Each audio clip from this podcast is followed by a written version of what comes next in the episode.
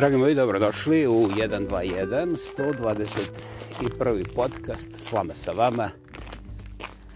Samoproglašen lingvistički aktivista, monumentalno autentični, ja pa ja, ko bi drugi, Vladimir kreće ispod predivnih stjenovitih planina. Hvala vam. Ja doista izuzetno cijenim vaše vrijeme. Ne zbog toga što sam tim prema vama, nego sada jedna mala tajna.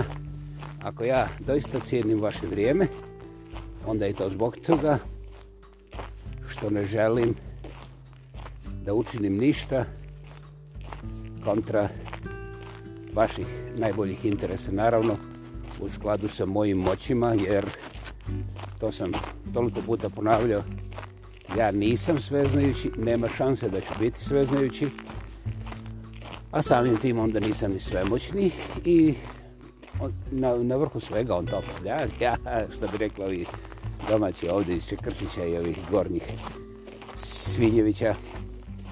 A ovaj, evo ga, počelo je parenje, guske su nazad, velike kanadske guske su se vratile. A ovaj, dakle, ovo svega sve mogući i sveznajući je samo jedan i Ako vi mislite drugčije, to je fantastično za vas. Pokušajte to iskoristiti. Ja na tome nivou nisam. Naravno, tamo se čak niti ne očekujem, ali kao što rekao na početku, ja radim najbolje što mogu, ne da bih štitio vas, nego da bih štitio sebe u poštovanju prema vama i vašem vremenu. Eto, prilike, to bi bilo ono što vrijedi pomenuti. A posebna priča je danas vezana uz to što ja vjerujem i vi ste sreli ljude koji jedva čekaju da izvuku iz vas nekakav trač, zapravo razlog za trač. I ja ne znam kako to opisati, ali nikada nisam uspješno komentirao takvu situaciju, a, tako da nemam iluzije ni sada. I zašto sam u miru? Pa vrlo jednostavno. Naime, ljudi imaju neku nadnaravnu ovisnost o traču. A, ja imam neke ideje, čak sam nešto i naučio, a, naravno ne samo iz knjiga, nego sam imao i profesionalce, a, ne profesionalce na trašu, nego profesionalce u sociološkoj fenomenologiji, psihologiji i psihijatriji, da dobro ste čuli, i psihijatriji, a onda razno razni duhovnjaci i svećenici čije mi je e, mišljenje doista bilo važno jer htjeli ili ne htjeli tamo gdje se skuplja toliko ljudi trač ipak caruje, a opet nekako ne vlada. To je kontradiktorno, međutim, to je potpuno druga tema koju nećemo dirati. Međutim, jedan od tih lijepih, naravno izvan crkve, ne, ovaj me pitao, pa dobro, da se ti gadiš svakoga? Jel svako tračak, kad je s tobom, a niko, ovaj, mislim, ne može da prođe to tvoje šuljanje ušiju i tako dalje.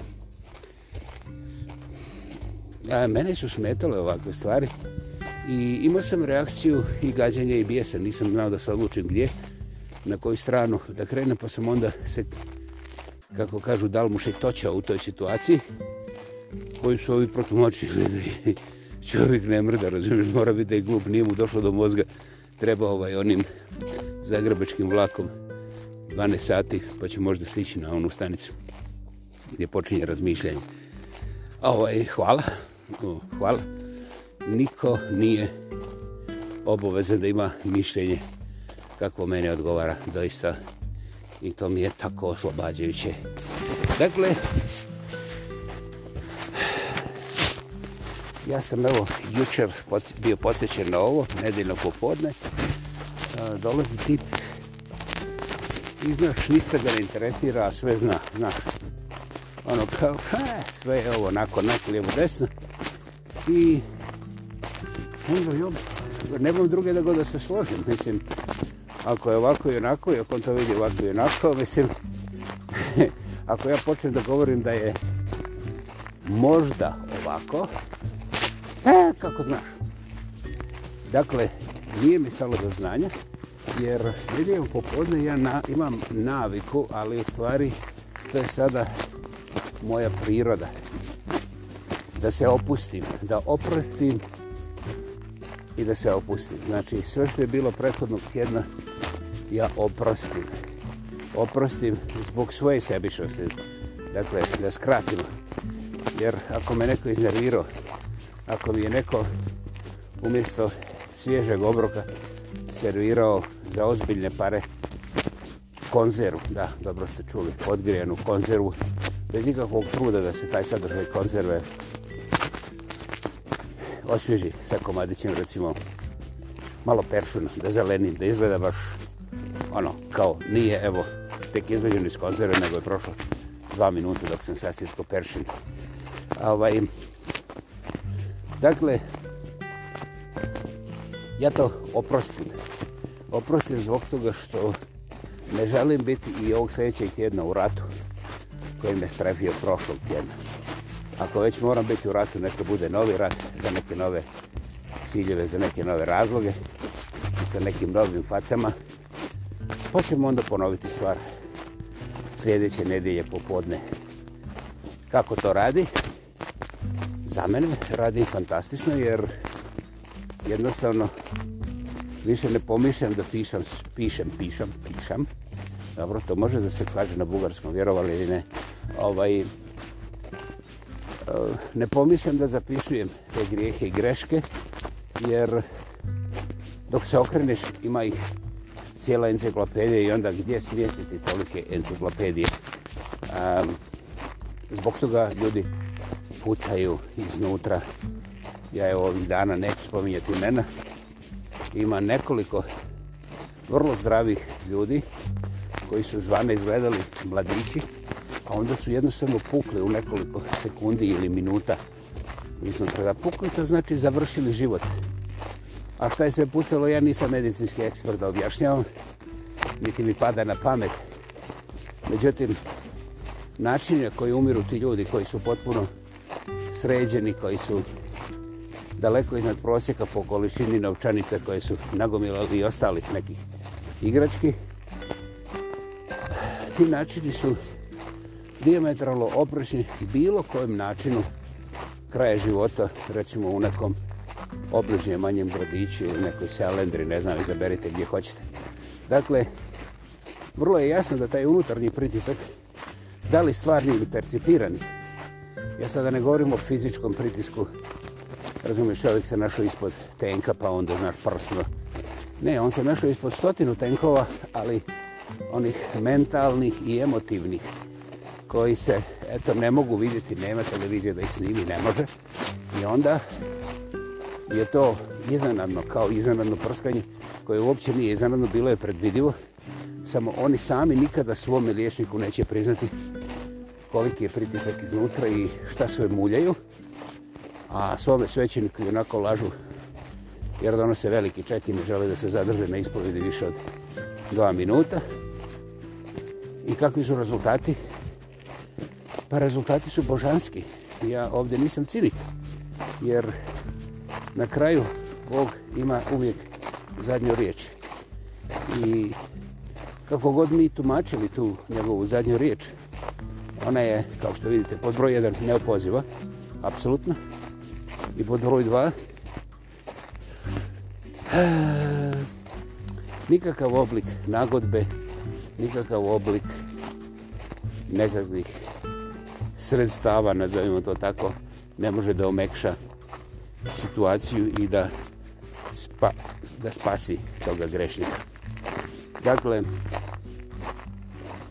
da li treba izgubiti nadu? Ne znam. Nisam nadostrušnjak, ali sam sasvim siguran da većina ovih prsnutih ovih dana, čemu ja se nipošto ne radovim, čak i onda kada su ta prskanja onako barem površno gledana, nekakav, nekakva vrsta Božje kazne moj, u mojim očima. Ovaj, ja se tome ne radovim, zbog toga što, i da sam davno rekao, ja nisam apsolutno objektivan i ja pojma nemam gdje ja upravo sada griješim. Jer postoji mogućnost, Božo moj, ja nisam, recimo, gradonačelnik New Yorka, pa da me ganjaju samo četiri curice za napasovanje. Ovaj, međutim, u tim Božim knjigama ne moraš biti nekakva velika funkcija da bi pravio velika sranija od svoga života i pravio i grijehe i greške koje su brutalne. A to što nisi svjesta da si ih napravio, to nije nikakva olakšica niti opravdanje.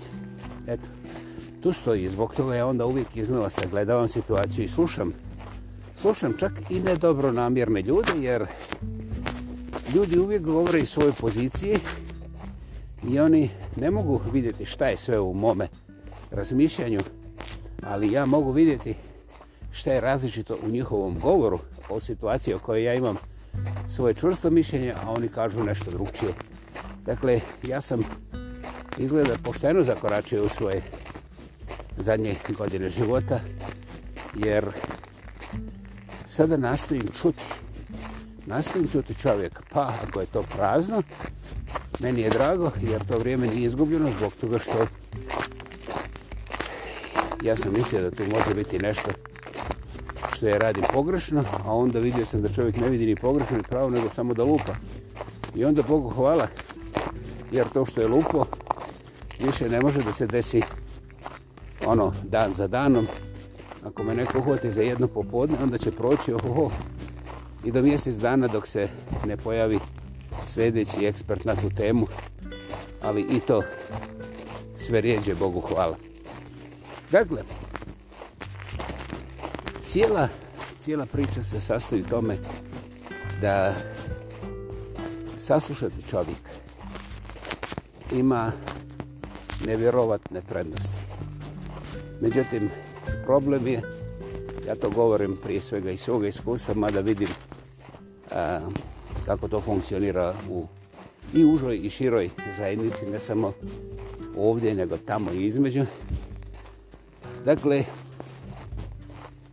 mi smo naučeni slušati zbog a, kao uljudnosti, kao nemoj prekidati drugog i sve te stvari, ono, znaš, ja nemam ništa protiv temeljnog bontona, ima svoje mjesto i to je u stvari jedna od onih klasika koje, mada su malo građanske, ipak imaju svoju patinu plenstva i načelno ne vidim zašto bi se iko trebao vrijeđati ili buniti kontra temeljnih principa bontona. Dakle, jedan od njih je između ostalog ne prekidati čovjeka da govori i ovaj pokazati interes i saslušati šta čovjek ima reći. Ono o čemu Bonton ne govori u detalje, a to je ako čovjek drži monolog cijele večeri 2 do 3 sata, pogotovo o vrlo pogrešnoj temi za večeru, na primjer ima vrlo teške riječi, neprimjerene riječi u opisu još težeg recimo morbidnog nekakvog slučaja, bez obzira ko je u pravu, ko nije u pravu. Znate, svaki dan se seciraju okolo, evo, eko, okolo Evrope i Amerike. Doslovce hiljade se ljudi dnevno seciraju poradi raznih razloga. Da li da se utvrdi zbog čega je smrt, da li da se utvrdi imali kriminala, da li da se izruši istraživanje, da li da univerziteti, univerzitetima pokažu studentima kako to izgleda iznutra kad se čovjek secka. A ima i oni koji u umjetničke svrhe sjeckaju leševe po posebnom odebrenju. Naravno, to se ne dešava na hiljadama mjesta, ali eto samo da kažem da se ne treba iznenaditi ako čujete nešto tako. Eto, dakle, i kad neko ko je recimo profesionalac u toj oblasti i zna kako se sjecka, pa onda dođe do droba, pa počne, znaš, da se šeta po tim elementima ovaj, ljudske anatomije, Znaš šta? Taj čovjek je otprilike 100% pametniji od mene kada dođe do sjeckanja ljudskih organa i posebno ulazka unutra. Međutim, da li ja uz neku šriclu sa majonezom želim da čujem kako se izljeva žuč kada je krivo zasjećaš sa desne strane umjesto sa lijeve. Eto ga, pa onda dva sata takve priče. Um, očekivati da takav čovjek primijeti koliko je njegov zanos potpuno ljudski, jer on živi u tome području, neprimjeran ovima kao meni, na primjer, koji stručno ne znaju ništa o tome, ali imaju vrlo jasnu reakciju, je malo nerealno. Tako da treba naći načina i čovjeku reći ja, vi ste eto, fantastičan patologi, patologičar, jel, se to kaže tako patologista, patologičar, ok, lepa moja jezika. I ovaj, i vi ćete očito biti vrlo, vrlo uspješni u nastavku karijere, jer tako strastveno volite svoj posao. Međutim, nadam se da ćete dopustiti da nam i gospod Pero ovaj, kaže nešto o uzgoju cvijeća u ovim urbanim okolnostima.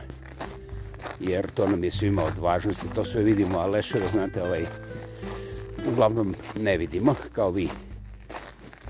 Dakle, naš odgoj je negdje tu zaboravio masu elemenata. Jedan od tih elemenata je potpuno bolesno tumačenje simetrije u društvenoj interakciji. Dakle, ovaj govori dva sata, treba ga malo prekinuti, ili i onda se to računa na to, pa dobro, daj mu umjesto dva sata, daj mu jedan, pa smanju i znaš, onda se rađa ta skala koja je također vještačka. Umjesto da budemo praktični, mi možemo da učinimo masu drugih stvari koje su korisne i potpuno nesimetrične. Jedna od njih je pozvati njegovu suprugu koja sedi do njega, um, kao slučajno, tamo sa strane gdje ne čuje niko, svi ostali ostaje za stolom. I ovaj, zamoliti je ljubazno da svome dragom specijalisti onako da ga zamoli ovaj, jer ovdje ima ljudi koji su bili na operacijnom stolu još koliko prošlog mjeseca i ovaj, ovo ih pogađa ne zato što taj čovjek ne zna šta govori nego jednostavno tema im je ono vrlo teška i ne mogu večerati.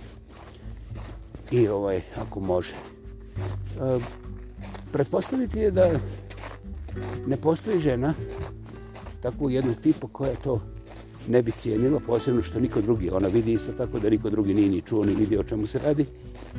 I ona onda sjedne pored svoga dilbera i da mu znak. dakle, To je jedna od mogućnosti koja nije baš precizirana u bontonu. Um, da li se danas uči u školi, nemam pojma, ali ovo je samo jedan ma, jedna mala točkica u oceanu mogućnosti kako mi možemo da komuniciramo sa svijetom oko nas bez sukova i bez gađenja. A kada dođe ovi lepotani koji pitaju da li se ti gadiš svakoga s kim razgovaraš, to je tehnički govoreći trik pitanja koje ne traži odgovor, jer ti si već, već osuđen kao neki gaditelj. Ovaj, jer šta se ti buniš, evo u ovom istom primjeru, što čovjek govori o sjeckanju leševa kad je to njegov posao koji će raditi sljedećih 30, možda 40 godina. Wow, interesantno. Interesantno. A kad se ti tako ljubazan i kulturan, ovaj, kako bi bilo da je tebi objašnjavam ovaj, dinamiku govnu u ovoj gradskoj kanalizaciji užeg profila, dok ti ručaš, no, no, nije isto. Znao sam da nije isto, vidiš? Kada, kada bismo mi bili dobrohotni, mi bi onda čuli jedno drugog. I rasprava o teme, da li, nam, da li su nam potrebni secirati leševe ili samo prebrojati leševe za vrijeme obroka, na primjer, ima i prvo drugih senzitivnih situacija, a ne bi trebalo biti izvorom nikakvog, nikakvog prijepora, odnosno dvojbe, odnosno bilo kakve vrste nesnalaženja. Zašto? Pa zato što je generalno gledajući većina ljudskog i gotovo cijeli život okrnuti, barem kada se tiče obroka, dalje od smetišta, dalje od stratišta i dalje od operacijenih sala.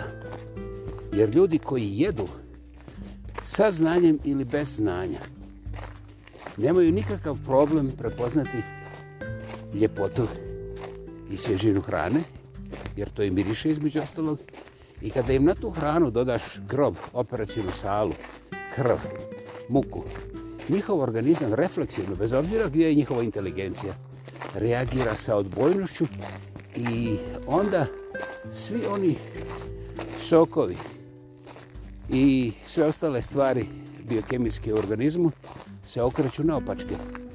Htio to, ili, htio to čovjek ili ne. Postoje jedan manji broj među nama uvrnuti, koji uživaju što je gore, to je bolje. To su, na primjer, mazahisti ili, recimo, ima i onih puno drugih, što ih je puno manje. Ovaj, to su nekrofili. Oni se tebe sebe tako ne zovu, ali oni uživaju u tome i zbog toga ih to kvalificira. Dakle, šta se radi kada naiđete na jedno takvo mjesto? Da li ćete im objasniti šta sam ja rekao svemu tome? Hvala Bogu, nećete. Hvala Bogu, nećete. Nemojte očekivati da ovaj što vam postavi pitanje na koje već da odgovor da li se tebi gade svi s kojima se sretneš, ovaj, ne postoji ispravan odgovor na to pitanje. Jer to pitanje nikada nije bilo pitanje. Vi ste upeceni onog momenta kad dozvolite nekoj promašenosti da se sa takvim nečim pojavi u vašoj blizini. I onda ne morate da napravite samoubojstvo, ali možete ljubazno da, na primjer, kažete da ste zaboravili desnu cipilu na lijevoj zadnjoj prednjoj nozi uzbrda i ovaj, kad se on kaže šta šta, ja kažem, čekaj, ovaj, ja, ja, ja mislim da ima jedan čovjek iz Čekrčića koji me čeka ovdje dole na lokalnom semaforu. I kad on kaže šta šta šta, vi ste već ovaj, vrlo ljubazno uhvatili bravu, zatvorili vrata i završili svoj boravak na tom mjestu. Eto ga. Dakle, to je doista jedini način. Pokušaj edukacije, pokušaj pomirivanja, pokušaj recimo objašnjavanja. Um, iz dugoročnog iskustva ja mogu reći da samo košta uh, ovoga pokušatelja, jer ovi što imaju te zahtjeve, što sjeckaju stvari, njihov život je prazan i oni jedino žive kad nađu pacijenta za sjeckanje. Dakle, jedino žive kad nađu pacijenta za sjeckanje, a još pogotovo kad nađu pacijenta za sjeckanje na temi kao što je vidi, ovi plavi su glupi, a ovi žuti su prelijepi, znaš. I onda, on je naravno na strani oni koji su mnogobrojni u toj okolici, i onda, onda počinješ, pa ja sam evo ljubazan, neću od tebe sad ovaj, tući, ali da uši vući, mislim, zašto nekad si zaslužio, jer na kraju kreva nisi baš toliko žuti da mi ne bi to mogli uraditi. Hvala. Baš tako, hvala. Gdje se nalazimo, ne bih o tome, hvala na strpljenju. Razmislite, ljudi oko vas su upravo ovakvi, jer, znate, otkud ja to znam, Pa nije to znanje. Ja, naime, ovaj, otkad sam se rodio, živim na ovoj planeti, a zbog nekih posebnih intelektualnih moći, ja sam siguran da i vi živite na ovoj planeti. Hm. Iz toga, znaš, 1 plus 1 jednako je 2, znači i vi i ja a, smo otprilike umočeni u vrlo sličan sos ili barem prepoznatljiv sos. Hvala vam. Bila je ovo 121. slama sa vama. Ja pa Jakob i drugi Vladimir kreće ispod predivnih stenovitih planina. Hvala vam i čujemo se ubrzo ponovo. Hvala. Thank you.